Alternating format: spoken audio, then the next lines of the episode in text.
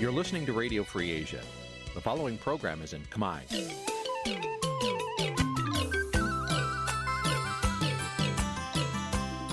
Nǐ chi càm bi tiệp xáy vệt chiu a zì sê ray នេះជាកម្មវិធីផ្សាយរបស់ Vithu Azisari ជាភាសាខ្មែរ វត្តឈូអាស៊ីសេរីសូមស្វាគមន៍លោកអ្នកនាងទាំងអស់ពីរដ្ឋធានី Washington នៃសហរដ្ឋអាមេរិក ចាប់ពីរដ្ឋធានី Washington នាងខ្ញុំម៉ៅសុធានីសូមជម្រាបសួរលោកអ្នកស្ដាប់ទាំងអស់ជាទីមេត្រីចាយើងខ្ញុំសូមជូនការផ្សាយសម្រាប់ព្រឹកថ្ងៃប្រហោះ5កើតខែពិសាឆ្នាំខាលចត្វាស័កពុទ្ធសករាជ2565ហើយដល់ត្រូវនៅថ្ងៃទី5ខែឧសភាគ្រិស្តសករាជ2022ជាដំបូងនេះសូមអញ្ជើញលោកអ្នកនាងកញ្ញាស្ដាប់ព័ត៌មានប្រចាំថ្ងៃដែលមានមេត្តាដូចតទៅ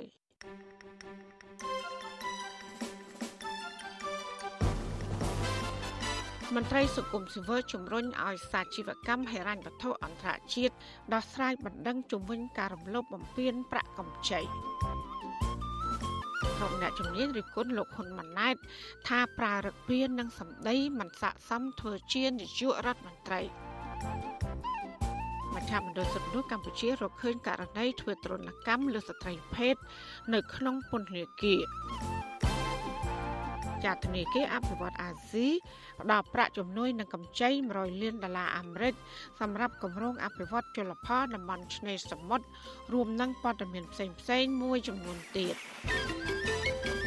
ចាត់ជាបន្តទៅទៀតនេះនាងខ្ញុំម៉ៃសុធានីសូមជូនព័ត៌មានទាំងនោះពឺស្ដាប់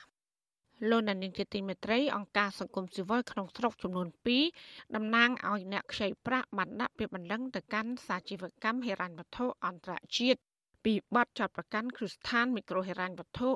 និងធនាគារចំនួន6ថាបានរំលោភបំពានសិទ្ធិមនុស្សនិងការរំលោភបំពានលើបទដ្ឋានអនុវត្តស្តង់ដារលើប្រាក់កម្ចីអន្តរជាតិខ្នាតតូចនៅកម្ពុជា។ នាយកផ្នែកកិច្ចការទូតនៅអង្គការលីកាដូលោកអំសំអាត មានប្រសាសន៍ប្របច្ចុប្បន្នស៊ីស្រីកាលពីថ្ងៃទី4ខែឧសភា ថាបណ្ដឹងនេះត្រូវបានអង្គការលីកាដូនិងអង្គការសមត្ថៈកម្ពុជា បានដាក់ពាក្យប្តឹងក្នុងនាមជាអ្នកខ្ចីប្រាក់ដែលរងការរំលោភបំពានជាច្រើន រួមមានការអនុវត្តការផ្ដល់ប្រាក់កម្ចីបែបកេងប្រវ័ញ្ចការលក់ដីដែលបង្ខំការគំរាមកំហែងនិងការបង្កើនបន្ទុកបំណុលជាដើម។ បាទតកតងបណ្ដឹងទៅស្ថាប័នផ្លំមើលសាជីវកម្មអន្តរជាតិនេះគឺអតិថិជនដែលគាត់បានចែកប្រាក់ពីគ្រឹះស្ថានវិកោហរញ្ញធុនិងធនាគារមួយចំនួនហ្នឹងហើយមានអតិថិជនជាច្រើនហ្នឹងលោកបានដាក់ពាក្យបណ្ដឹងទៅ ស្ថាប័នមួយនេះដោយអង្គការលីកាដូនិងអង្គការកម្មផលកម្ពុជាហ្នឹងយើងគ្រាន់តែជាស្ពានមួយដើម្បីភ្ជាប់ភ្ជាប់ទៅឲ្យពួកគាត់បានដាក់បណ្ដឹងអំពីការរំលោភបំពានទៅលើសិទ្ធិមនុស្សទៅលើសិទ្ធិរបស់ពួកគាត់ហើយតែផ្ទុយអំពីបទដ្ឋានអនុវត្តរបស់សាជីវកម្មអន្តរជាតិ សេចក្តីប្រកាសព័ត៌មានរួមរបស់អង្គការលីកាដូនិងអង្គការសមត្ថៈកម្ពុជា កាលពីថ្ងៃទី3ខែសុភាអំពីនីវឲ្យទីប្រឹក្សាដោះស្រាយវិវាទនៃសជីវកម្មហិរញ្ញវត្ថុអន្តរជាតិចាប់ផ្ដើមស៊ើបអង្កេតជាបន្តទៅលើការខូចខាតបង្កឡើង ដោយការវិនិយោគជាមួយគ្រឹះស្ថានមីក្រូហិរញ្ញវត្ថុនិងធនាគារទាំង6នោះ។ អង្គការទាំងពីរនេះអះអាងថាការវិនិយោគនេះគឺប្រកបដោយគ្រោះថ្នាក់និងខ្វះការចាត់វិធានការចាំបាច់របស់សជីវកម្មហិរញ្ញវត្ថុអន្តរជាតិពាក់ព័ន្ធនឹងគម្រោងកម្ចីឥណទានខ្នាតតូចដែលបានបំផ្លិចបំផ្លាញការរស់នៅ និងការខូចខាតដល់សហគមន៍ជាច្រើនហើយពួកគេត្រូវចាត់វិធានការដើម្បីផ្ដល់ការអនុគ្រោះពិតប្រាកដសម្រាប់អ្នកខ្ចីប្រាក់ទាំងនោះ បណ្ដឹងនេះបានរៀបរាប់លម្អិតអំពីរបៀបដែលសជីវកម្មអន្តរជាតិបរាជ័យក្នុងការបំពេញកាតព្វកិច្ចរបស់ខ្លួន ដើម្បីចាត់វិធានការចាំបាច់និងត្រួតពិនិត្យលើគម្រោងនានា ក្នុងការធានាបាននូវការអនុលោមតាមបទដ្ឋានអនុវត្តស្តង់ដាររបស់សជីវកម្មហិរញ្ញវត្ថុអន្តរជាតិបណ្ដឹងនេះក៏បានបង្ហាញច្បាស់លាស់ពីឈ្មោះគ្រឹះស្ថានមីក្រូហិរញ្ញវត្ថុនិងធនាគារទាំង6នោះរួមមាន ធនាគារអេស៊ីលេដាធនាគារហាត់ថាធនាគារស្ថាបនាគ្រឹះស្ថានមីក្រូហិរញ្ញវត្ថុអមរិតគ្រឹះស្ថានមីក្រូហិរញ្ញវត្ថុ LOLC និងគ្រឹះស្ថានមីក្រូហិរញ្ញវត្ថុបាសាក់ដែលរួមគ្នាកាន់កាប់ប្រមាណជា75%នៃកម្ចីអន្តទានខ្នាតតូច នៅក្នុងប្រទេសកម្ពុជាទាំងមូល សេចក្តីប្រកាសព័ត៌មានដដែលបន្តថាស្ថាប័នទាំង6នោះទទួលបានការអនុម័តទឹកប្រាក់ជាង400លានដុល្លារអាមេរិកពីមូលនិធិសជីវកម្មហិរញ្ញវត្ថុអន្តរជាតិនៅរយៈពេល5ឆ្នាំចុងក្រោយនេះ រួមមានកម្ចីអន្តទានដោយផ្ទាល់កម្ចីបញ្ចូលគ្នាកម្ចីអន្តទាននិងការវិនិយោគផ្អែកលើសមភាពពីមូលនិធិដែលគ្រប់គ្រងដោយសជីវកម្មហិរញ្ញវត្ថុអន្តរជាតិ។ វិទ្យុអសីស្រីនៅមិនទាន់អាចតតងសុំការបំភ្លឺរឿងនេះពីសមាគមមីក្រូហិរញ្ញវត្ថុនិងសមាគមធនាគារនៅកម្ពុជាបានដល់ឡាយទេរហូតមកដល់ម៉ោងផ្សាយនេះក៏ប៉ុន្តែកន្លងមកអ្នកនាំពាក្យសមាគមមីក្រូហិរញ្ញវត្ថុកម្ពុជា លោកកាំងតុងងីធ្លាប់បញ្ជាក់ថាវិស័យធនាគារនិងហិរញ្ញវត្ថុនៅកម្ពុជា គឺមិនដែលរឹបអូសទ្រព្យសម្បត្តិធានារបស់អតិថិជន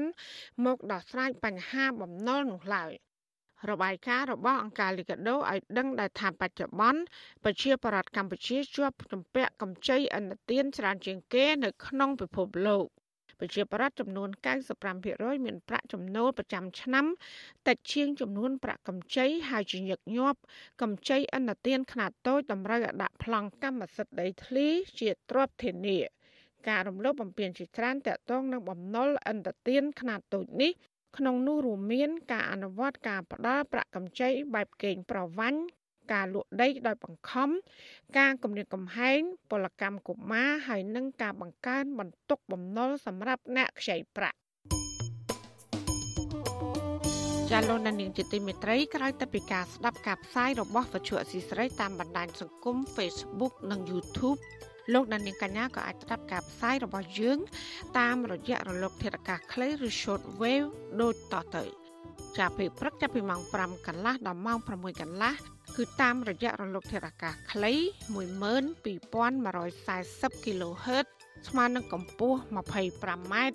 និង13715 kHz ស្មើនឹងកម្ពស់ 22m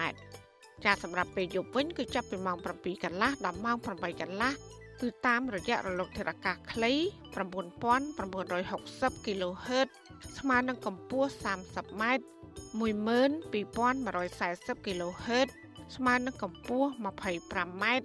ហើយនឹង11885 kHz ស្មើនឹងកម្ពស់ 25m ចាសសូមអរគុណ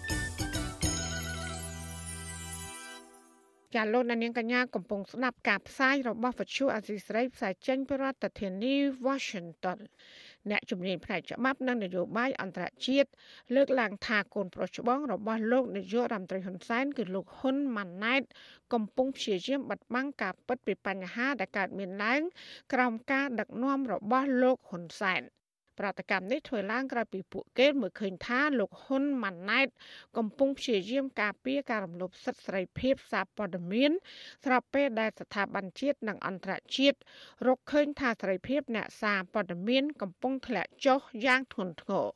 ចាប់ពីរដ្ឋធានី Washington លោកសេកបណ្ឌិតរាជការពិស្ដាជំនាញព័ត៌មាននេះអ្នកជំនាញច្បាប់និងនយោបាយអន្តរជាតិវាយតម្លៃថាបើបេក្ខភាពនាយករដ្ឋមន្ត្រីលោកហ៊ុនម៉ាណែត ព្យាយាមនិយាយបិទបាំងការពិតហើយមិនព្រមលើកយកបញ្ហាទាំងនោះមកដោះស្រាយទេទោះបីជាលោកបានក្លាយជាអ្នកដឹកនាំប្រទេសក៏ដោយក៏លោកនៅតែរក្សាប្រព័ន្ធដឹកនាំរដ្ឋបែបផ្ដាច់ការដដែលគឺមិនខុសពីគន្លងចាស់របស់ឪពុករបស់លោកឡើយអ្នកជំនាញផ្នែកច្បាប់និងវិទ្យាសាស្ត្រនយោបាយកញ្ញាសេងធីរី លើកឡើងថា ក្នុងបរិបទនយោបាយរបបឯកបកសពថៃលោកហ៊ុនម៉ាណែត ហាក់កំពុងដើរតួយ៉ាងសំខាន់ក្នុងការជំនួសដៃជើងឲ្យឪពុករបស់លោកកញ្ញាបញ្ជាក់ថាហេតុផលសំខាន់ដែលធ្វើឲ្យលោកហ៊ុនម៉ាណែតមិនព្រមលើកយកបញ្ហាមកដោះស្រាយក៏ព្រោះតែលោកបានជ្រួតជ្រាបពីរបៀបក្នុងការដឹកនាំប្រទេសតាមបែបផ្ដាច់ការ។ មានន័យថាអ្វីដែលរបបផ្ដាច់ការនេះកំពុងធ្វើក្នុងការបៀតបៀនលើអ្នកសារព័ត៌មានវាជូចន់អានេះជាសារមួយតាមសកម្មភាពចេញពីរបបផ្ដាច់ការដែលមានលោកហ៊ុនម៉ាណែតជាអ្នកដឹកនាំជាន់ខ្ពស់ប្រតិកម្មនេះធ្វើឡើងក្រោយពីអគ្គមេបញ្ជាការរងនៃកងយុទ្ធពលខេមរភូមិន្ទនិងជាមេបញ្ជាការកងទ័ពជើងគោកលោកហ៊ុនម៉ាណែតថ្លែងការពីឪពុករបស់លោក កាលពីថ្ងៃទី3ឧសភា ថារដ្ឋាភិបាលតែងតែយកចិត្តទុកដាក់និងគ្រប់គ្រងទៅលើអ្នកសារព័ត៌មានតាមច្បាប់ហើយកម្ពុជា មានសិទ្ធិសេរីភាពពេញលេញសម្រាប់អ្នកសារព័ត៌មានការបើកសិទ្ធិសេរីភាពមិនសំដៅទៅលើអ្នកមួយចំនួនតូចប៉ុន្តែសិទ្ធិសេរីភាពចំពោះច្បាប់គឺអនុវត្តគ្រប់គ្នាអត់មានប្រកាន់អ្នកណាទេអញ្ចឹងនីតិរដ្ឋភាពភាពស្មើគ្នាដោយអាដាមខៀវកញ្ញរិទ្ធបានលើកគឺជញ្ជីងតែមួយអត់មានស្តង់ដារពីរចំពោះគ្រប់គ្នានៅក្រោមច្បាប់ អនុវត្តសិទ្ធិសេរីភាពផ្អែកទៅលើមូលដ្ឋានច្បាប់ត្រូវតែធ្វើដើម្បីប្រទេសយើងជាប្រទេសសេរីប្រទេសប្រជាធិបតេយ្យដែលអាចទទួលបានប្រជាពលរដ្ឋដឹងនៅច្បាប់កាតព្វកិច្ចនិងសិទ្ធិរបស់ខ្លួនកុំឲ្យបំពេញអ្នកដទៃនេះគឺជាអ្វីដែលយើងត្រូវធ្វើទោះយ៉ាងណាអ្នកខ្លំមើលសង្គមនិងក្រុមអ្នកសារព័ត៌មានថាការលើកឡើងនេះមិនឆ្លុះបញ្ចាំងពីការពិត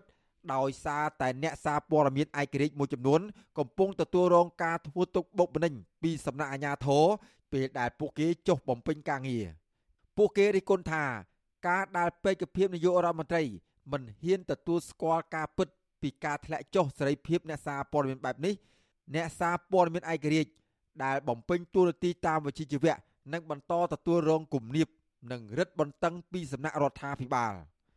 អ្នកសារព័ត៌មានសេរីលោកពៅមេតាថ្លែងថា ស្ថានភាពកន្លងមកនេះរដ្ឋាភិបាលមិនបានបើកចំហឲ្យអ្នកសារព័ត៌មានចុះបំពេញការងារបានដោយសេរីនោះទេ លោកបន្តថា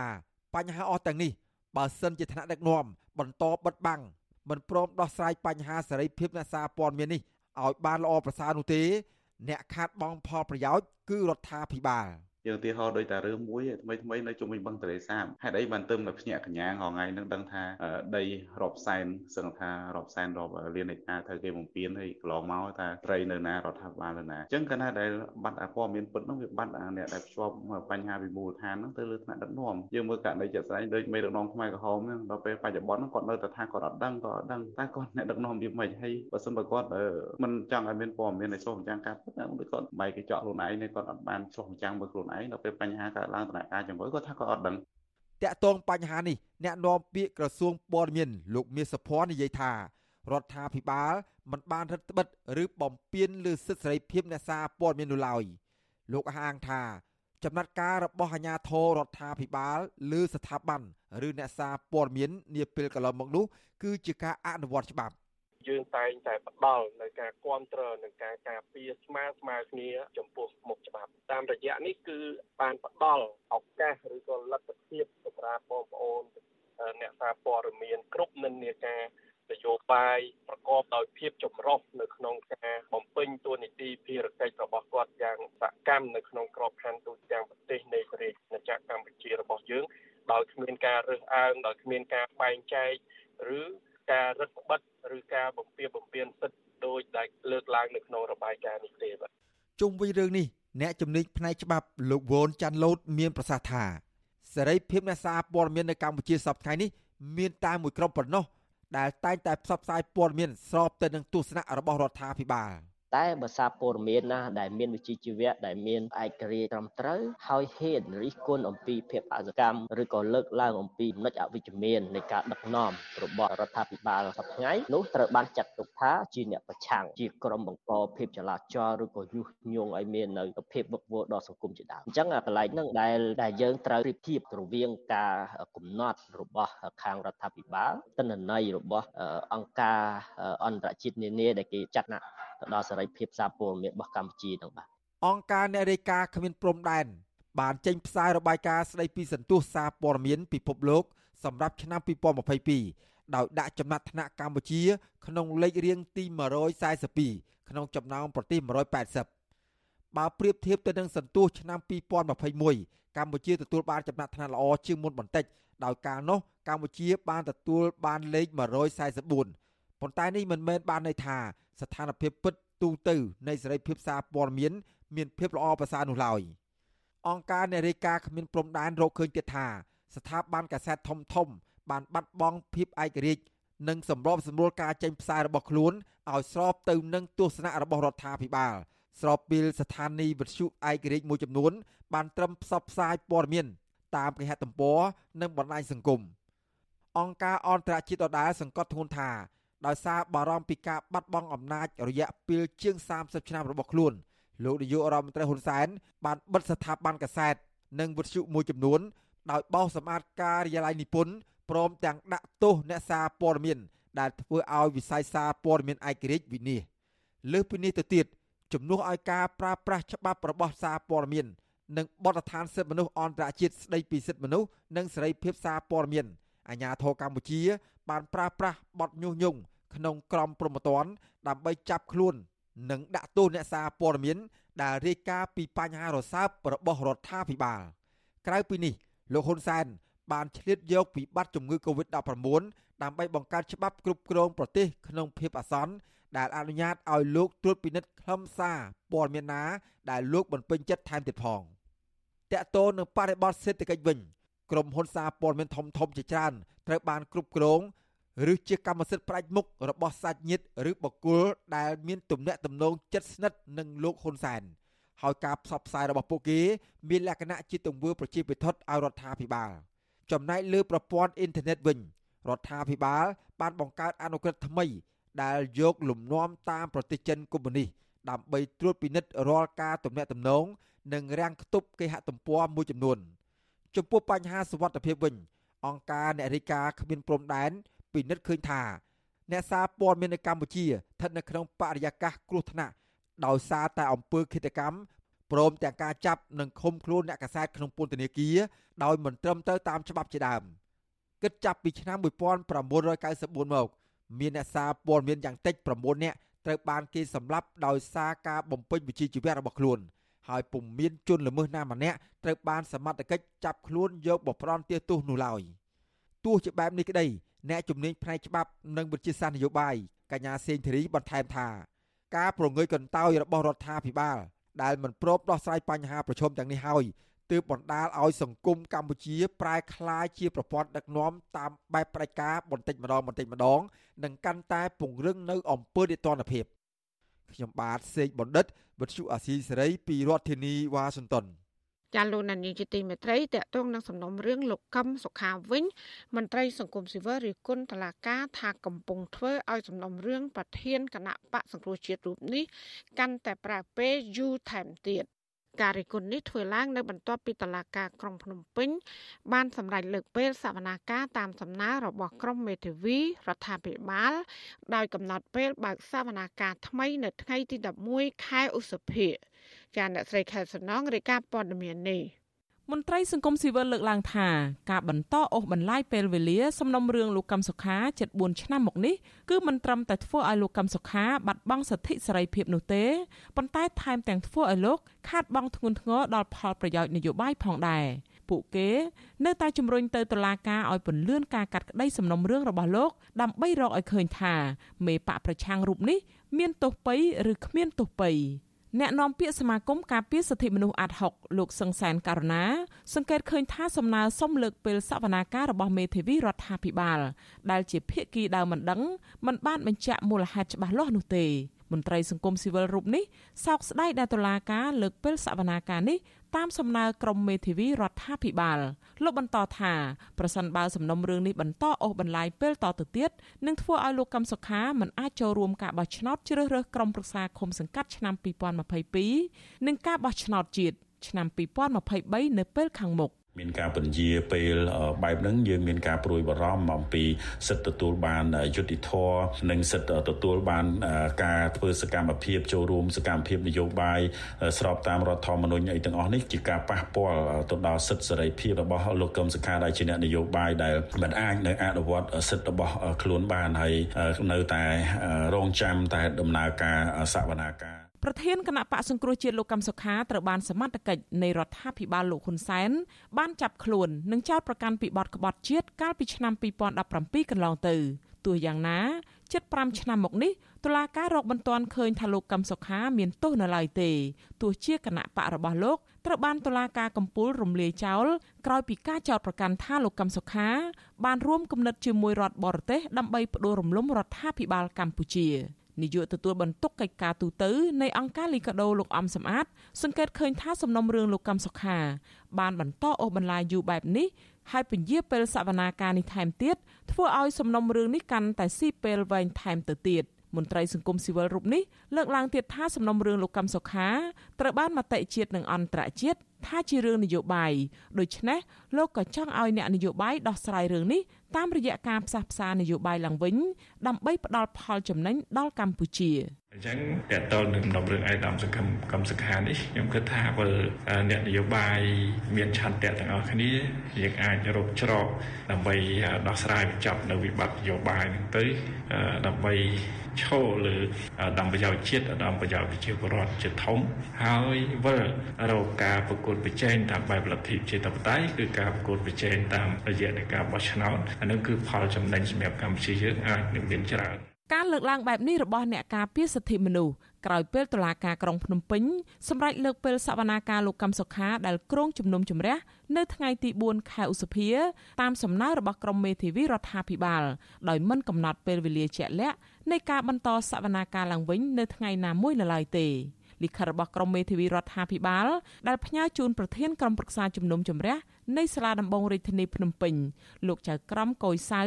កាលពីថ្ងៃទី3ខែឧសភាឲ្យដឹងថាពួកគេមានធរៈចាំបាច់មិនអាចខកខានទើបមិនអាចចូលរួមសវនាការនៅថ្ងៃទី4ខែឧសភាបាន និងស្នើទៅតុលាការបន្តសវនាការទៅថ្ងៃក្រោយវិញ ជុំវិញករណីនេះវិទ្យុអាស៊ីសេរីមិនអាចសុំប្រតិកម្មពីប្រធានក្រុមមេធាវីការពារក្តីលោកកឹមសុខាបាននៅឡើយទេ នៅថ្ងៃទី4ខែឧសភាចំណែកប្រធានលេខាធិការដ្ឋានសាលាដំបងរាជធានីភ្នំពេញលោកអ៊ីរ៉ានក៏មិនអាចតាក់ទងសុំបំភ្លឺបានដែរអំពីការកំណត់សវនាការឡើងវិញ នៅថ្ងៃណានោះ។ កាលពីសវនាការលោកកឹមសុខាលើកទី38ថ្ងៃទី27ខែមេសាកន្លងទៅតុលាការប្រកាសឲ្យបន្តសវនាការនៅថ្ងៃពុធទី4ខែឧសភាប៉ុន្តែក្រមមេធាវីរដ្ឋាភិបាលបានស្នើសុំលើកពេលកាត់ក្តីទៅថ្ងៃទី6ឧសភាព្រោះពួកគេថាមានភារកិច្ចផ្ទាល់ខ្លួននៅថ្ងៃទី4ខែឧសភាចំណែកក្រុមមេធាវីលោកកឹមសុខាប្រាប់តុលាការថាពួកគេក៏មានការរវល់នៅថ្ងៃទី6ឧសភាខាងមុខដែរ ទោះយ៉ាងណាមន្ត្រីបកប្រឆាំងមួយចំនួនដែលស្និទ្ធនឹងលោកកឹមសុខា បានបង្ហោះសារលើបណ្ដាញសង្គម Facebook រិះគន់ការពន្យាពេលសវនាការនេះថាជាការសម្រេចដែលគួរឲ្យសោកស្ដាយនិងហួសចិត្តបំផុតដែលបង្ហាញពីភាពលំអៀងនិងធ្វើឲ្យប៉ះពាល់ដល់សិទ្ធិទទួលបានការជំនុំជម្រះក្តីដោយយុត្តិធម៌និងឆាប់រហ័សចា៎នាងខ្ញុំខែសុណងវັດឈូអាស៊ីសេរីរាយការណ៍ពីរដ្ឋធានី Washington thank you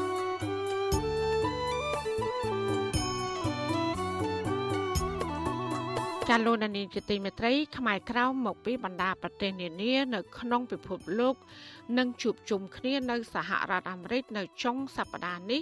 ដើម្បីរិះរោចយុទ្ធសាស្ត្របន្តការទៀមទាសិទ្ធិស្វ័យសម្រេចពីរដ្ឋាភិបាលវៀតណាមក្នុងនោះតំណាងខ្មែរកម្ពុជាក្រៅមកពីគ្រប់ទិសទីនិងបើកមហាសន្និបាតសហព័ន្ធខ្មែរកម្ពុជាក្រៅលើកទី11 រយៈពេល3ថ្ងៃដែលចាប់ផ្ដើមពីថ្ងៃទី6ខែសុភានៅទីក្រុង Philadelphia រដ្ឋ Pennsylvania កម្មវិធីនេះនឹងបង្ហាញពីសមិទ្ធផលសកម្មភាពរបស់សហព័ន្ធនិងការបោះឆ្នោតជ្រើសរើសគណៈកម្មការនយោបាយអាណត្តិថ្មី។ ដើម្បីបានដឹងព័ត៌មានលម្អិតពីការជួបប្រជុំគ្នា របស់ខ្មែរកម្ពុជាក្រោមនេះសូមលោកអ្នកនាងរងចាំស្ដាប់បទភាពដោយផ្ទាល់ជាមួយនឹងមន្ត្រីសហព័ន្ធខ្មែរកម្ពុជាក្រោម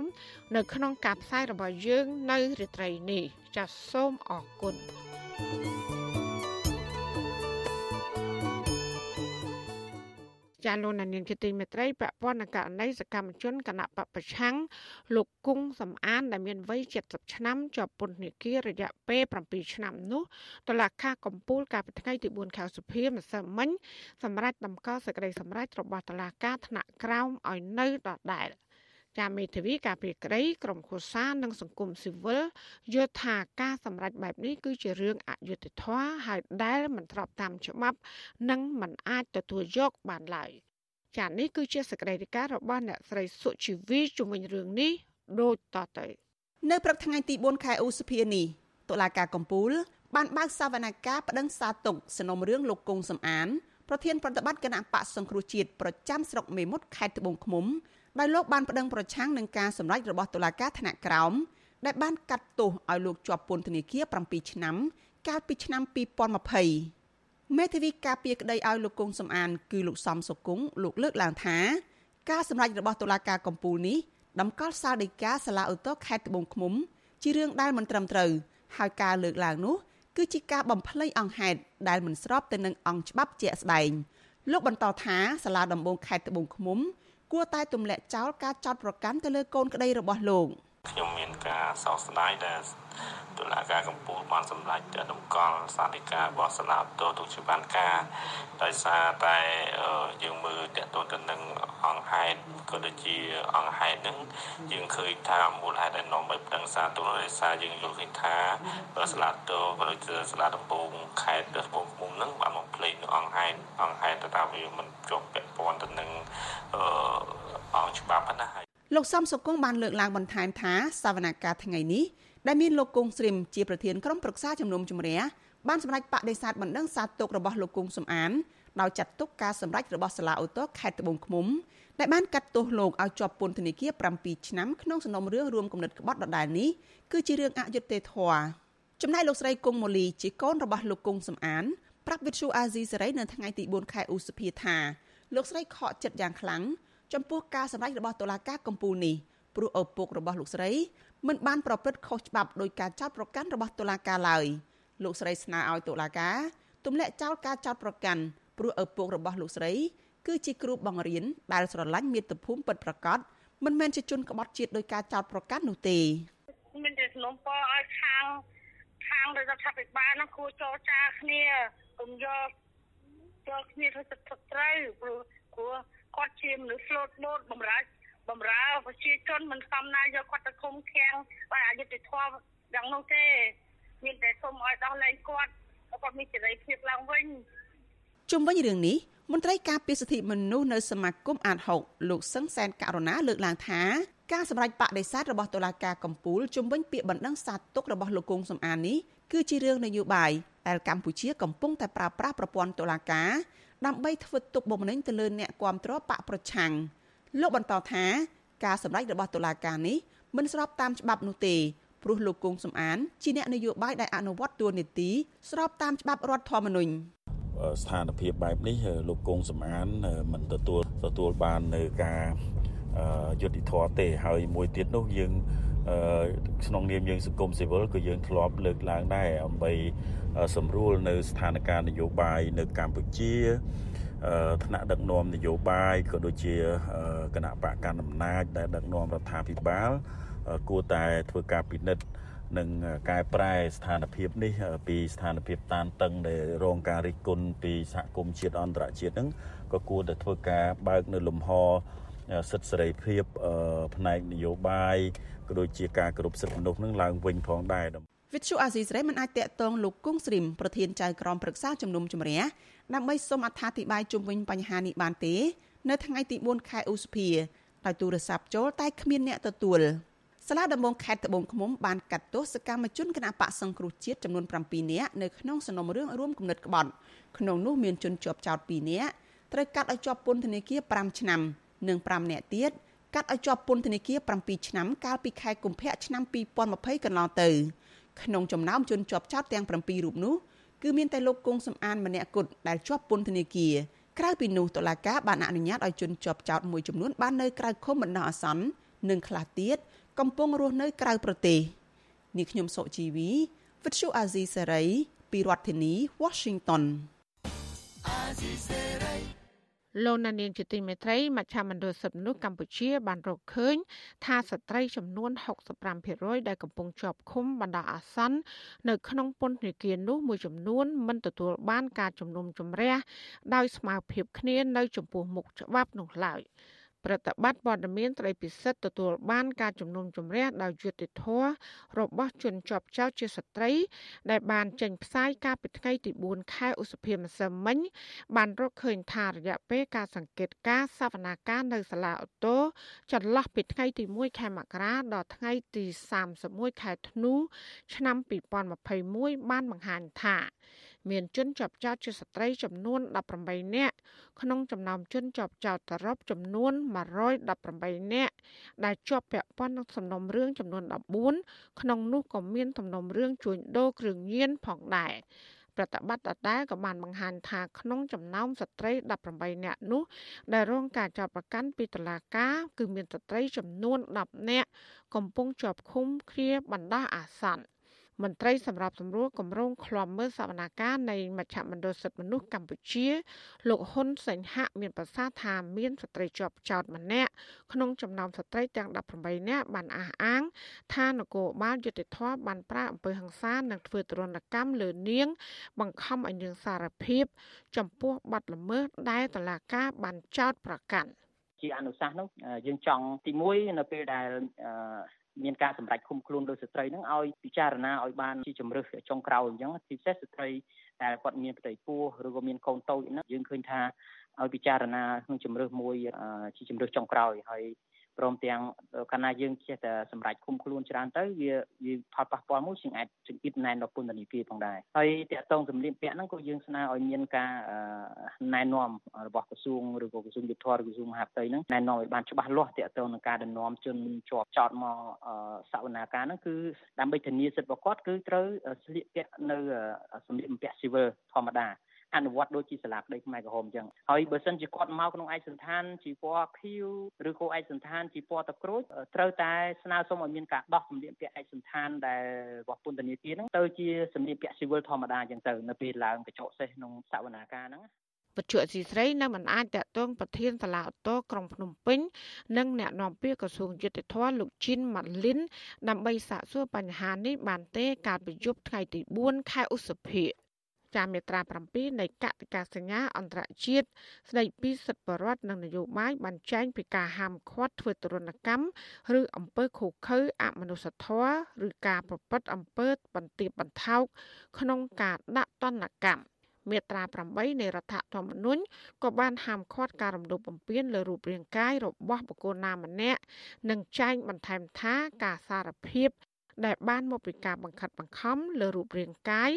ឬផ្លូវចិត្តមិនត្រូវបានចាត់ទុកថាជាភ័ស្តុតាងនៃបរិទ្ធនោះឡើយប្រតិបត្តិដដែលក៏បានបន្តថាមានស្ត្រី4នាក់ក្នុងចំណោម18នាក់មិនបានបង្ហាញខ្លួនក្នុងសវនាការជំនុំជម្រះក្តីនោះឡើយហើយមានស្ត្រី5នាក់ផ្សេងទៀតក្នុងចំណោម18នាក់ដដែលនេះ មិនមានតំណាងឬមេធាវីការពារក្តី ហើយដែលបញ្ហានេះប៉ះពាល់ដល់ការជំនុំជម្រះដោយយុត្តិធម៌ហើយនឹងភាពស្មើគ្នាចំពោះមុខច្បាប់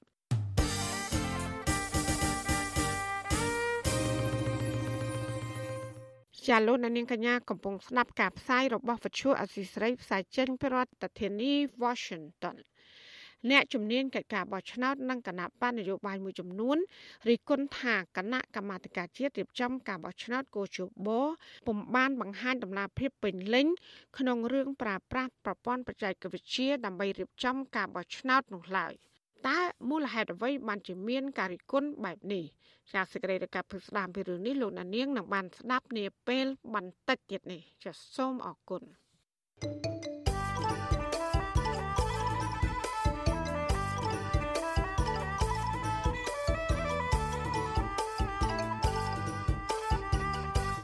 ចាលោកនាយកជាទីមេត្រីធនាគារអភិវឌ្ឍអាស៊ី ADB ក្រុងនឹងផ្ដល់ប្រាក់ជំនួយនិងកម្ចីចំនួន100លានដុល្លារអាមេរិកដល់រដ្ឋាភិបាលសម្រាប់ការអភិវឌ្ឍសេដ្ឋកិច្ចក្នុងការអនុវត្តគម្រោងជលផលតំបន់ឆ្នេរនិងសមុទ្រប្រកបដោយនិរន្តរភាពនៅខេត្តកោះកុងកំពត និងខេត្តកែប សារព័ត៌មានក្នុងស្រុករាយការណ៍ថាក្នុងនោះចំនួន50លានដុល្លារជាថវិការបស់ធនាគារអភិវឌ្ឍអាស៊ី10លានដុល្លារជាកម្ចីសម្បទាននិងជំនួយ និង30លានដុល្លារជាថវិកាជំនួយ របស់ទីភ្នាក់ងារអភិវឌ្ឍនៃប្រទេសបារាំងព្រមទាំងថវិកាពីមូលនិធិហេដ្ឋារចនាសម្ព័ន្ធអាស៊ានចំនួន10លានដុល្លារ សារព័ត៌មានដដែលក៏បានដកស្រង់អភិបាលរងខេត្តកែបលោកវ៉ៅសុខាដោយចុះផ្សាយថាថៅការពីធនាគារអភិវឌ្ឍអាស៊ីនេះអាជ្ញាធរខេត្តរួមនឹងក្រុមការងាររបស់ធនាគារកំពុងអនុវត្តគម្រោងសាងសង់នៅកំពង់ផែនេសាទស្តង់ដារចំនួន2កន្លែងដោយទីតាំងទី1ស្ថិតនៅជាប់ផ្សារក្តាមក្នុងក្រុងកែប និងមួយកន្លែងទៀតនៅទីតាំងផែកងយនដែលស្ថិតនៅក្នុងស្រុកដំណាក់ចង្អើសម្រាប់ឲ្យទូកនេសាទនិងទូកទេសចរចូលចតលោកថាពេលនេះរដ្ឋបាលខេត្តកែបកំពុងពន្លឿនការសិក្សាលើគម្រោងសាងសង់និងកែសម្រួលកំពង់ផែនេសាទតង់ដាទាំងពីរទីតាំងនោះ នៅជាមួយគ្នានេះលោកថាភាគីទាំងពីរក៏កំពុងពិភាក្សាពីការសាងសង់ការិយាល័យរដ្ឋបាលជលផលគម្រោងស្ដារឡើងវិញ និងអភិរក្សព្រៃកោងកាង និងគម្រោងអភិរក្សស្មៅសមុទ្រជាដើមមន្ត្រីនៃធនាគារអភិវឌ្ឍអាស៊ីអះអាងថាគម្រោងនេះនឹងជួយឲ្យកម្ពុជាក្នុងការគ្រប់គ្រងប្រព័ន្ធអេកូឡូស៊ីសមុទ្រកែលម្អហេដ្ឋារចនាសម្ព័ន្ធសមុទ្រនិងបង្កើតមូលនិធិគ្រប់គ្រងដល់វិស័យឯកជននៅតាមតំបន់ឆ្នេរ។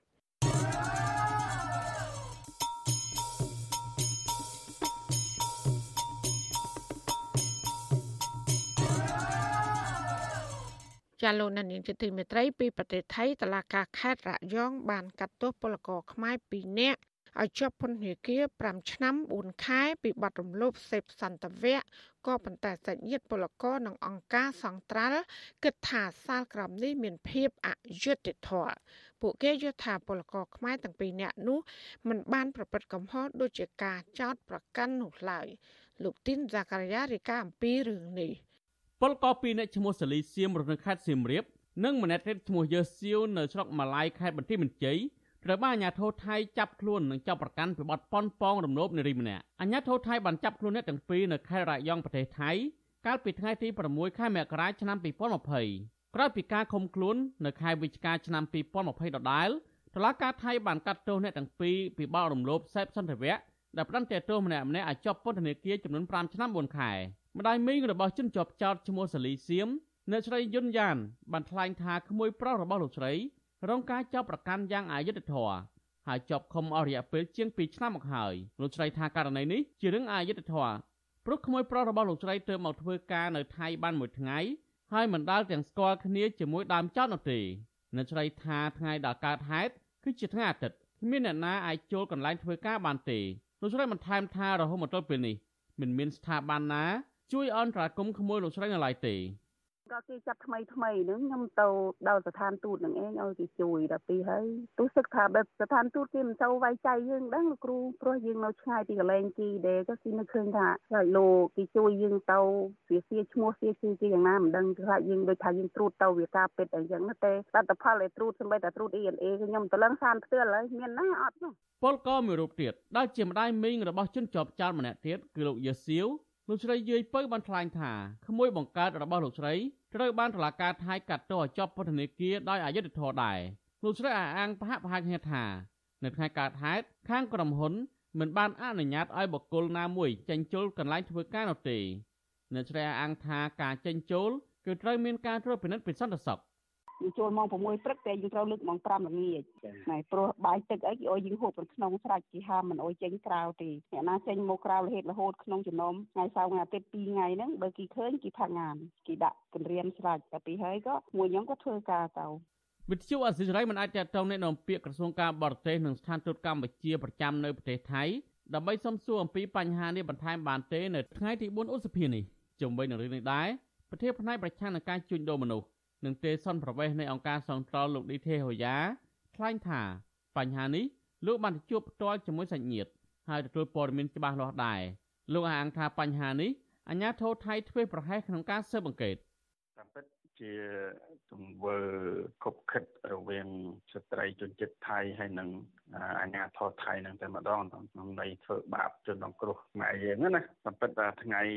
កើតហេតុហ្នឹងគាត់មិនបាននៅកន្លែងកើតហេតុផងហើយអាញាធរថៃហ្នឹងគ្មានបានធ្វើការស៊ើបអង្កេតឲ្យបានត្រឹមត្រូវទេទទួលតែពាក្យមិនដឹងពីស្ត្រីជនជាតិថៃហ្នឹងក៏ចាត់ការតាមហ្នឹងទៅគ្មានបានធ្វើការស៊ើបអង្កេតឲ្យបានត្រឹមត្រូវច្បាស់លាស់អីទេហើយស្ត្រីហ្នឹងបន្ទាប់ពីមានរឿងចឹងហើយហ្នឹងក៏ដូរទីតាំងទៅនៅកន្លែងផ្សេងទៅលោកឌីទេហូយ៉ាបន្ថែមថា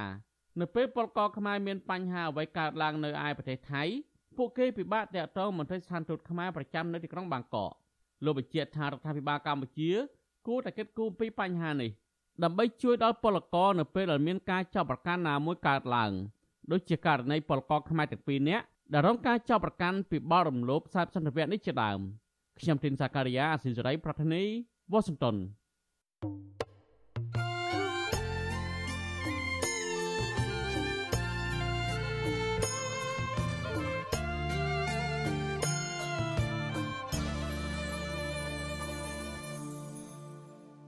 ចាលោកអ្នកស្ដាប់យុតិមេត្រីអ្នកជំនាញកិច្ចការបោះឆ្នោត និងគណៈបញ្ញយោបាយមួយចំនួនរិះគន់គណៈកម្មាធិការជាតិរៀបចំការបោះឆ្នោតកោជបថាពំបានបង្ហាញដំណាភាពពេញលេញក្នុងរឿងប្រើប្រាស់ប្រព័ន្ធបច្ចេកវិទ្យាដើម្បីរៀបចំការបោះឆ្នោតនោះឡើយ។ ការរិះគន់នេះកើតមានឡើងខណៈដែលកោជបកំពុងរៀបចំការបោះឆ្នោតគុំសង្កាត់អាណត្តិទី5និងប្រើប្រាស់ប្រព័ន្ធកុំព្យូទ័រដើម្បីគ្រប់គ្រងទិន្នន័យពាក់ព័ន្ធនឹងការបោះឆ្នោតជាប្រធានាធិបតី Washington លោកមានរិទ្ធមានសេចក្តីរាយការណ៍ពុស្ដាជុំវិញព័ត៌មាននេះទន្ទឹមពេលដែលកោជបកំពុងរៀបចំការបោះឆ្នោតឃុំសង្កាត់អាណត្តិទី5និងប្រើប្រាស់កម្មវិធីកុំព្យូទ័រដើម្បីគ្រប់គ្រងទិន្នន័យនានាពាក់ព័ន្ធទៅនឹងការបោះឆ្នោត ជំនួសឲ្យការគ្រប់គ្រងដោយដៃអ្នកជំនាញកិច្ចការបោះឆ្នោតនិងគណៈបញ្ញយោបាយមួយចំនួនវាតម្លៃថាកោចបខ្វះដំណាភាពនៅក្នុងកិច្ចការនេះពួកគេថាកង្វះដំណាភាពនេះធ្វើឲ្យបាត់បង់ទំនុកចិត្តមកលើស្ថាប័ននេះអ្នកសម្របសម្រួលផ្នែកអង្គការនិងតស៊ូមតិនៃអង្គការឃ្លាំមើលការបោះឆ្នោត Confrel លោកកុនសវាងយល់ថាការប្រើប្រាស់កម្មវិធីកុំព្យូទ័រនានាដើម្បីជួយសម្រួលដល់កិច្ចការរៀបចំការបោះឆ្នោត គឺជារឿងល្អដែលអាចធ្វើឲ្យការងាររៀបចំការបោះឆ្នោតបានលឿននិងសុក្រឹតក៏ប៉ុន្តែលោកចង់ឃើញកោចបបង្ហាញដំណាភាពនៅក្នុងរឿងនេះទៅដល់គ្រប់ភាគីពាក់ព័ន្ធដើម្បីឲ្យពួកគេជឿទុកចិត្តលើកម្មវិធីកុំព្យូទ័រទាំងនេះតាមរយៈការដាក់ឲ្យប្រើប្រាស់សាកល្បង និងការទទួលយកមតិយោបល់កែលម្អនានា កន្លងមកយើងមិនបានទទួលនៅការឃើញអនុវត្តជាក់ស្ដែងអំពីចំណុចទាំងអស់នេះទេវាមានការត្រៀមបណ្ដៃយើងឃើញឧទាហរណ៍ដូចជាការចុះបញ្ជីបេក្ខជនគណៈបកយោបាយចឹងណាក៏យោបោនឹងធ្វើការសាកល្បងបណ្ដៃដោយសារស្ថានភាពកូវីដក៏យោបោមិនបានធ្វើរឿងអស់នេះទេប៉ុន្តែក៏យោបោបានយកទៅអនុវត្តជាផ្លូវការនៅពេលនៅក្នុងដំណាក់កាលនៃការចុះបញ្ជីបេក្ខជនគណៈបកយោបាយនេះហើយដែលជាចំណុចមួយដែលយើងគិតថាដំណើរការនេះវាមិនបានឆ្លុះបញ្ចាំងឲ្យបានពេញលេញអំពីដំណើរការនៃការរៀបចំនឹងឲ្យមានការទុកចិត្តពីភាគីពាក់ព័ន្ធនោះគឺនៅត្រង់ចំណុចអស់ហ្នឹងបាទស្រដៀងគ្នានឹងការវាតម្លៃនេះដែរអ្នកជំនាញកិច្ចការបោះឆ្នោតមួយរូបទៀតនិងជានាយកប្រតិបត្តិនៃអង្គការឃ្លាំមើលការបោះឆ្នោត Netflix លោកសំគុណធីមីក៏យល់ស្របដែរថាការដាក់ឲ្យប្រើប្រាស់ប្រព័ន្ធបច្ចេកវិទ្យាទាំងនេះពីសំណាក់កោចបបង្កឲ្យមានការលំបាកច្រើនដោយសារតែកោចបពុំបានផ្សព្វផ្សាយឲ្យបានទូលំទូលាយជាមុន វាបាក់ជាទឹកចិត្តដែរហ្នឹងដោយសារមានមកខែច្បាស់នោះហើយហើយអតិជនឬក៏អ្នកតែគេចូលមើលជាទឹកចិត្តណាជាសក្តិប៉ុណ្ណាប៉ុណ្ណាអ្នកនាំពាក្យកោចបលោកហងពធាពន្យល់ប្រាប់វិសុយស៊ីស្រីថាគូចបទទួលស្គាល់ថាបច្ចេកវិទ្យាជួយឲ្យដំណើរការបោះឆ្នោត បានកាន់តែល្អប្រសើរនិងធ្វើឲ្យមានទំនុកចិត្តកាន់តែច្រើនជាងមុនពីម្ចាស់ឆ្នោតលោកថាកន្លងទៅកោចបបានរៀបចំការចុះឈ្មោះដោយប្រើបច្ចេកវិទ្យាកុំព្យូទ័រនិងបានបង្កើតកម្មវិធីផ្ទៀងផ្ទាត់មើលឈ្មោះស្ទួនគ្នាឬទិន្នន័យសំណៅដៃស្ទួនគ្នាជាដើម ដែលលោកអះអាងថាសុទ្ធតែទទួលបានការទទួលស្គាល់ថាជាកម្មវិធីមានប្រសិទ្ធភាព ទន្ទឹមនឹងនេះ លោកហងពធាថាកោចបក៏បានដាក់ឲ្យប្រើកម្មវិធីស្រង់ឈ្មោះនៅក្នុងការចុះបញ្ជីបេក្ខជនឈរឈ្មោះនៃគណៈបញ្ញយោបាយដោយទាញចេញមកពីបញ្ជីឈ្មោះនៃអ្នកបោះឆ្នោតទាំងអស់លោកហងពធាអះអាងថាកោចបបានតាមដានកម្មវិធីទាំងនេះដោយប្រុងប្រយ័ត្ននិងទទួលបានការសាទរពីគណៈបញ្ញយោបាយខ្ញុំចង់ជម្រាបថាពីមុនមកសម្រាប់អ្នកដែលមិនមាន អត្តសញ្ញាណបានបញ្ជីខ្មែរប៉ុន្តែមានឈ្មោះនៅក្នុងបញ្ជីបោះឆ្នោតលោកមានសិទ្ធិបោះឆ្នោតហើយប៉ុន្តែត្រូវស្នើសុំឯកសារបញ្ជាក់អត្តសញ្ញាណដើម្បីបម្រើឲ្យការបោះឆ្នោតណាពីមុនត្រូវការយករូបថតទៅត្រូវការនេះត្រូវការនោះប៉ុន្តែបច្ចុប្បន្នมันมันជាទីអីទេជាជាតែសម័យខ្លួនដែលមានឈ្មោះក្នុងទីហើយបើមិនមានឯកសារសញ្ញាបោះឆ្នោតទេលោកអាចមានពេលមួយខែមុនថ្ងៃបោះឆ្នោតគឺទៅជួបជាមួយនឹងគណៈកម្មការឃុំសង្កាត់រៀបចំការបោះឆ្នោតតាមគុំសង្ កាត់នីមួយៗដើម្បីស្នើសុំឯកសារបញ្ជាក់សញ្ញានេះហើយឈ្មោះរបស់សម័យខ្លួនត្រូវនឹងត្រូវទាញចេញពីទាញចេញហើយនឹងព្រីនចេញពីម៉ាស៊ីនកុំព្យូទ័រតែម្ដងណាដោយសម័យខ្លួនគ្រាន់តែយកឯកសារនោះទៅបញ្ជាក់នៅអាជ្ញាធរឃុំសង្កាត់ដើម្បីបោះត្រាបញ្ជាក់ភាពត្រឹមត្រូវនិងទទួលស្គាល់ថាជាពលរដ្ឋក្នុងគុំសង្កាត់នោះពិតប្រាកដហើយឯកសារនេះគឺប្រើប្រាស់សម្រាប់ការបោះឆ្នោតបានតែម្ដងបាទទន្ទឹមនឹងការសម្រួលដោយប្រើប្រាស់ប្រព័ន្ធកុំព្យូទ័រទាំងនេះ លោកហងពធាពន្យល់បន្ថែមថាការផ្ញើលទ្ធផលរាប់សន្លឹកឆ្នោតក៏កោចបប្រើប្រាស់ប្រព័ន្ធអនឡាញបូករួមទាំងការបូកសរុបនិងផ្ទៀងផ្ទាត់នៅលទ្ធផលឆ្នោតរបស់គណៈបណ្ឌនយោបាយនីមួយៗដោយប្រើប្រាស់កម្មវិធីកុំព្យូទ័រផ្ទៀងផ្ទាត់បន្ថែមពីលើការធ្វើដោយដៃទោះជាយ៉ាងណាលោកហងពធា បញ្ជាក់ថាការបោះឆ្នោតនៅកម្ពុជា និងការរាប់សន្លឹកឆ្នោត នៅតែធ្វើដោយដៃនៅឡើយទេ ជុំវិញការប្រើប្រាស់ប្រព័ន្ធបច្ចេកវិទ្យានៅក្នុងកិច្ចការរៀបចំការបោះឆ្នោតនេះប្រធានគណៈបកឆន្ទៈខ្មែរលោកគង់ម៉ូនីកាមើលឃើញមិនខុសពីក្រុមអ្នកជំនាញកិច្ចការបោះឆ្នោតទាំងនោះនោះទេ ដែលថាកោចបោនៅមិនទាន់បង្ហាញដំណាភាពគ្រប់គ្រាន់នៅឡើយខ្ញុំដូចជាមិនបានឃើញអ្វីដែលជាដំណាភាពច្រើនទេពាក់ព័ន្ធទៅនឹងការរៀបចំការងាររបស់កោចបនឹងពាក់ព័ន្ធទៅនឹងបញ្ហាបច្ចេកវិទ្យាផ្សេងផ្សេងដែលកោចបរៀបចំឡើងកន្លងមកនេះគឺថាកោចបដូចជាមិនបានបង្ហាញថាខ្លួនត្រូវធ្វើអីកែប្រែបែបម៉េចប្រើប្រាស់បច្ចេកវិទ្យាបែបណាពីឲ្យគណៈបញ្ញោបាយឲ្យសាធារណជនបានដឹងទេបាទគ្រាន់តែឧទាហរណ៍ថាការចុះបញ្ជីតាមប្រព័ន្ធបច្ចេកវិទ្យាកន្លងមកចុះបញ្ជីបេក្ខជន គឺថាវានៅនៅមានលក្ខណៈដែលมันរលូននៅឡើយបាទមានលក្ខមានការរដ្ឋបិទច្រើនការកំណត់ពេលវេលានោះគឺបថុចញុចធ្វើឲ្យមានការលំបាកដល់គណៈបញ្ញោបាយឲ្យជាដើមដោយឡែកអនុប្រធានគណៈបកភ្លើងទៀនលោកថាច់សេដ្ឋាលោកថាគណៈបករបស់លោកពុំបានតាមដានលំអិតជំវិញការប្រើប្រាស់ប្រព័ន្ធបច្ចេកវិទ្យារបស់កោជប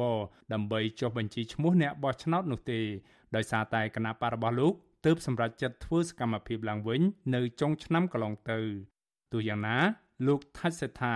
ថាការរៀបចំប្រើប្រាស់ប្រព័ន្ធបច្ចេកវិទ្យាទាំងនេះកន្លងទៅកោជបបានទទួលជំនួយពីប្រទេសជប៉ុន និងប្រទេសមួយចំនួនទៀត ទៅតាមព័ត៌មានយើងមិនទាន់បានគេមិនទាន់បានការបោះឆ្នោតការអីហ្នឹងឬប្រព័ន្ធទៅបោះឆ្នោតតាមកុំព្យូទ័រអត់ទាន់អាចធ្វើទៅបានទេគ្រាន់តែថាទិន្នន័យអីទាំងអស់ហ្នឹងគេកែសម្រួលឲ្យបានលឿនជាងមុនតែប៉ុណ្្នឹងហើយមានជប៉ុននៅអមនៅខាងជួយខាងហ្នឹងដែរតែយើងខ្ញុំបានតំណែងទៅគឺថាមាន ជំនួយបច្ចេកទេសខាងផ្នែកខាងជប៉ុនហើយរាល់ការប្រជុំឬរបាយការណ៍ទិន្នន័យអីក៏គេបានបញ្ជូលគណៈបកគ្រប់គណៈបកនេះទៅក្នុងក្រុមមួយនៃគណៈកម្មការជាបោះឆ្នោតនឹងសម្រាប់គេផ្ដល់ព័ត៌មានតាម Zoom តាមផនអនឡាញនេះចឹងដែរកម្ពុជាត្រៀមរៀបចំការបោះឆ្នោតជ្រើសរើសក្រុមប្រឹក្សាឃុំសង្កាត់អាណត្តិទី5នៅថ្ងៃអាទិត្យទី5ខែមិថុនាឆ្នាំនេះការបោះឆ្នោតនេះមានគណៈបញ្ញយោបាយសរុបចំនួន17គណៈបកចូលរួម ក៏ប៉ុន្តែពុំមានវត្តមានគណៈបកសង្គ្រោះជាតិដែលជាគណៈបកប្រឆាំងធំជាងគេហើយត្រូវតឡាការកម្ពុជាសម្រាប់រំលាយចោលកាលពីចុងឆ្នាំ2017កន្លងទៅចូលរួមនោះទេ ស្របពេលដែលនៅតែពុំទាន់មានការចរចាដោះស្រាយវិបត្តិនយោបាយនៅឡើយគូចបរងនឹងការរិះគន់ថាខ្វះឯករាជ្យពុំអព្យាក្រឹតនិងជាឧបករណ៍ចាំប្រថាប់ត្រាផ្ដាល់ភាពស្របច្បាប់ឲ្យគណៈបកកណ្ដាលអំណាចដោយសារតែសមាជិកជាន់ខ្ពស់ រហូតដល់សមាជិកថ្នាក់កណ្ដាលរបស់ស្ថាប័ននេះភាគច្រើនសុទ្ធសឹងតែជាមន្ត្រីតែងតាំងដោយគណៈបកកណ្ដាលអំណាចគណៈពុំមានតំណាងមកពីគណៈបញ្ញយោបាយដទៃទៀតឬអង្គការសង្គមស៊ីវិលនោះឡើយខ្ញុំបាទមេរិត Visual C ស្រីរាយការណ៍ពីរដ្ឋធានី Washington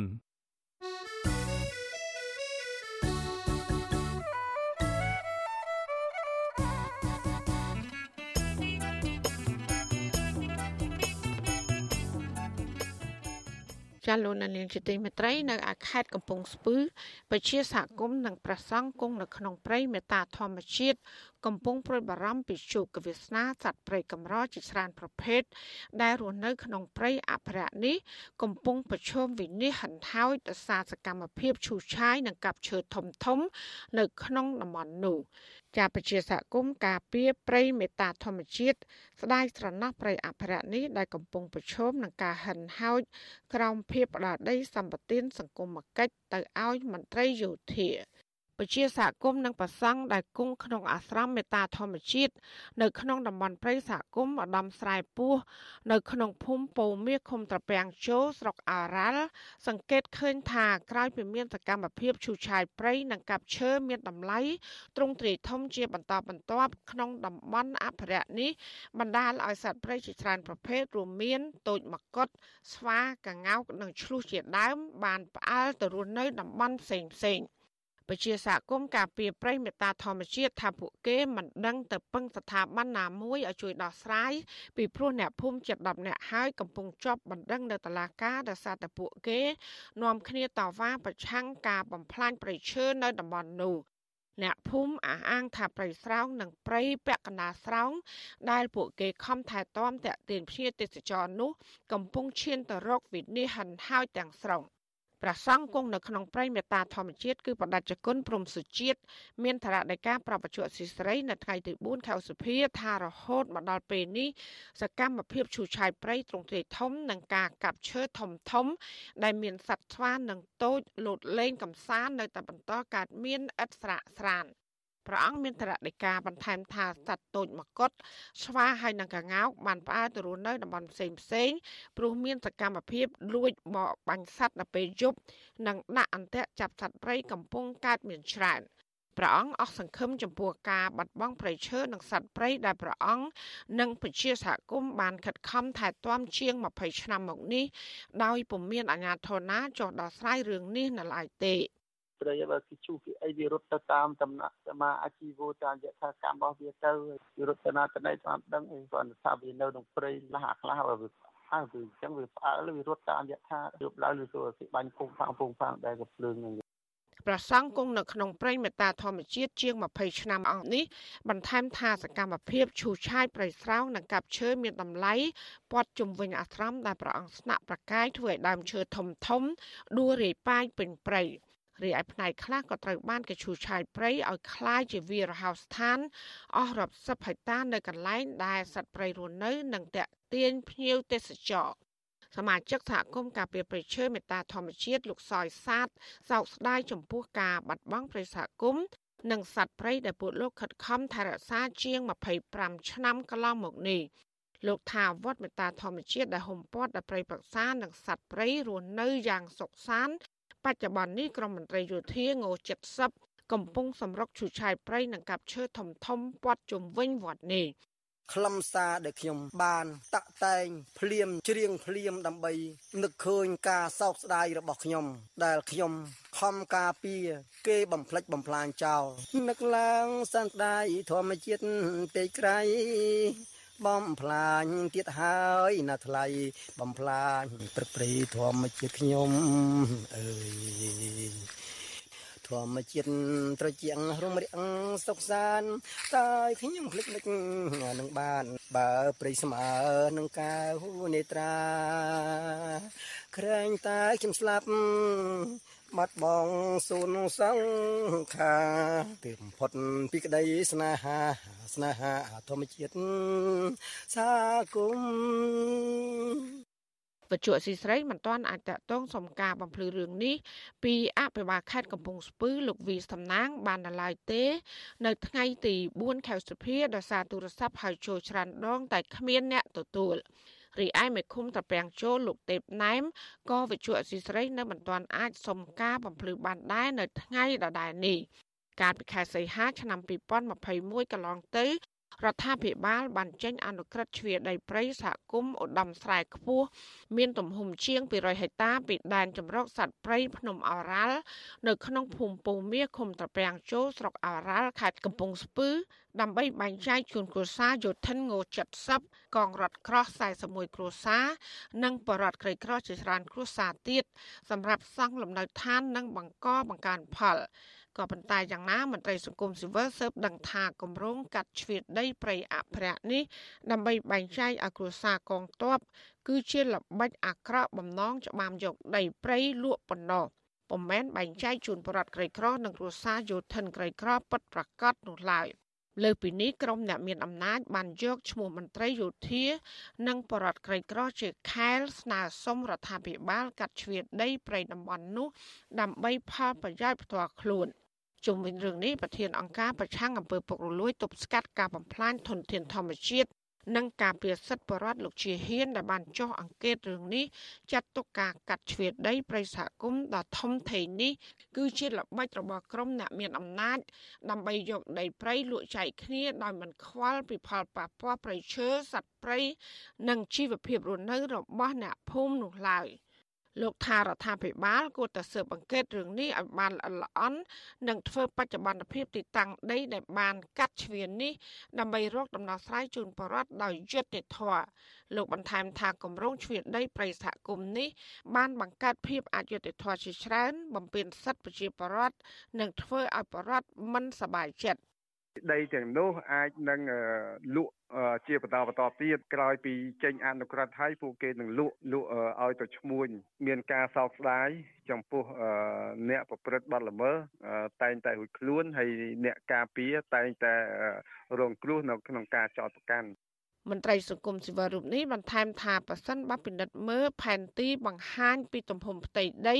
ព្រៃសហគមន៍ម្ដំស្រែពោះឬព្រៃមេតាធម្មជាតិមានផ្ទៃដី800ហិកតាប៉ុន្តែធាតពិត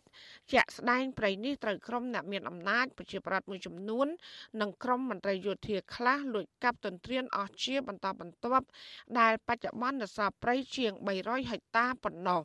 រីឯគម្រោងកាត់ជ្រៀតដីព្រៃជាង200ហិកតានេះនឹងធ្វើឲ្យព្រៃអភិរក្សមួយនេះហិនហោចនាពេលខាងមុខ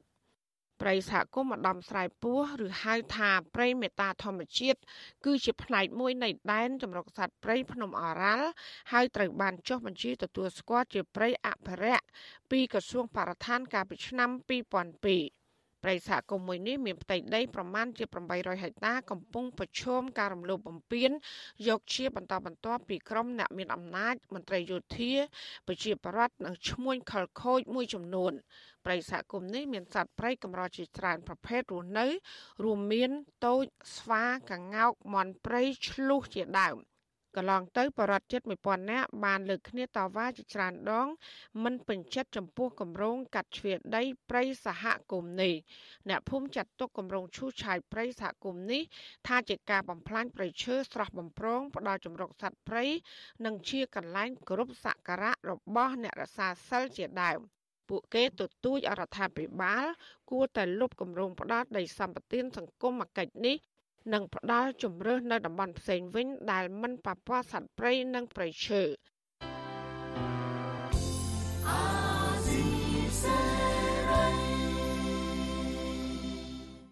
ចាលោកលានាងកញ្ញាអ្នកស្ដាប់ជាទីមេត្រីការផ្សាយរយៈពេល1ម៉ោងរបស់វិទ្យុអាស៊ីស្រីជាភាសាខ្មែរនៅពេលនេះចាប់តែប៉ុណ្ណេះចាយើងខ្ញុំទាំងអស់គ្នាសូមជូនពរលោកលានាងនិងក្រុមគ្រួសារទាំងអស់ សូមជួបប្រកបតែនឹងសេចក្តីសុខសេចក្តីចម្រើន ជានិរន្តរ៍ចាននាងខ្ញុំម៉ៃសុធានីព្រមទាំងក្រុមការងារទាំងអស់របស់អសីស្រីសូមអរគុណនិងសូមជម្រាបលា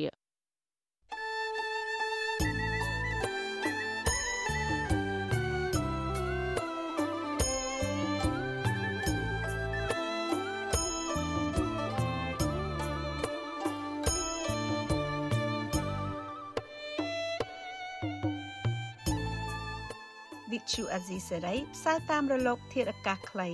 ឬ short wave តាមកម្រិតនិងកម្ពស់ដូចតទៅនេះពេលព្រឹកចាប់ពីម៉ោង5កន្លះដល់ម៉ោង6កន្លះតាមរយៈរលកធាតុអាកាសខ្លី12140 kHz ស្មើនឹងកម្ពស់ 25m និង13715 kHz ស្មើនឹងកម្ពស់ 22m ពេលយប់ចាប់ពីម៉ោង7កន្លះដល់ម៉ោង8កន្លះតាមរយៈរលកធាតុអាកាសខ្លី 9960 kHz ស្មើនឹងកម្ពស់ 30m 12140 kHz ស្មើនឹងកម្ពស់ 25m និង11885 kHz ស្មើនឹងកម្ពស់ 25m លោកអ្នកនាងអាចស្ដាប់ការផ្សាយផ្ទាល់តាមប្រព័ន្ធអ៊ីនធឺណិតដោយចូលទៅកាន់គេហទំព័រ www.rfa.org/ ខ្មែរក្រៅពីនេះលោកអ្នកនាងក៏អាចអាននិងទស្សនាព័ត៌មានវិទ្យុអេស៊ីសេរី លើទូរស័ព្ទដៃរបស់លោកអ្នកផ្ទាល់សូមលោកអ្នកនាងចូលទៅកាន់បណ្ដាញសង្គម Facebook ដែលមានអាសយដ្ឋាន www.facebook.com/rfa.cambodia និង YouTube www.youtube.com/rfa ខ្មែរ video សូមលោកអ្នកនាងចុច like និងចុច Subscribe ដើម្បីទទួលបានព័ត៌មានថ្មីៗទាន់ហេតុការណ៍និងទស្សនាវីដេអូផ្សេងៗទៀត បានគ្រប់ពេលវេលា។